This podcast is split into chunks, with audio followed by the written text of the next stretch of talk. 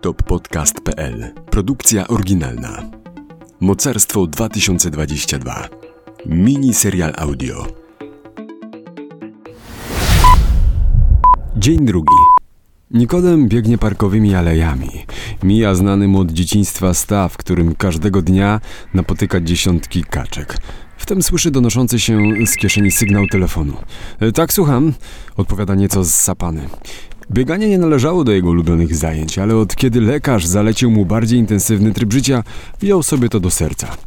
Halo, tu Luiza, redakcja Radio Stolica. Czy rozmawiam z Nikodemem? Tak, chyba to jeszcze Nikodem, choć nie wiem jak długo. To znaczy tak czy nie? Dla mnie to ważne. Tak, tak, a o co chodzi? Słuchaj, mam wrażenie, że wkrótce wydarzy się coś naprawdę apokaliptycznego, albo przynajmniej coś, co kompletnie zmieni aktualny stan rzeczy. Powiedziała z niedowierzaniem, bo każdy, kto zna Luizę, wie, że pragmatyzm to jej drugie imię. Słuchaj, wczoraj do mojej audycji zadzwonił jakiś typ, który podawał się za Saszę. Twierdził, że jest pogranicznikiem na Białorusi. Do cholery, co się dzieje? Hej, hej, odpowiedział Nikodem. Dzwonisz tak do mnie, serwujesz mięso od pierwszej minuty i jeszcze pytasz mnie o... No, no a co ty myślisz? Że ja to wszystko rozumiem? W tym momencie nie wiedzieć czemu, ale Nikodem przyspieszył tempa. Sapanie rozlegało się w słuchawce Luizy. Słuchaj, prowadziłem kiedyś audycję chińskiej gospodarce. Jego gościem był Polak, który od wielu lat mieszka w Szanghaju.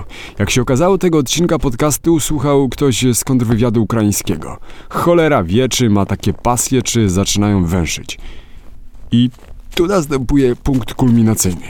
Kiedy zapytałem mojego gościa o sytuację z Wuhan, o początki koronawirusa, powiedział, że nie może mi publicznie powiedzieć wszystkiego. Nie boi się o swoje życie, ale kontrahenci, w tym Rosja i USA, odegrali w tym nadzwyczaj niezrozumiałym rol. W tym czasie po raz kolejny wszystko zgasło. Nikodem stracił połączenie i stanął niemalże jak wryty.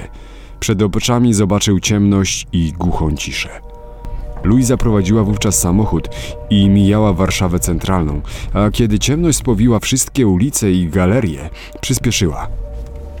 Co ma do tego koronawirus? Wtem otrzymała SMS. Po audycji zadzwonił Sasza.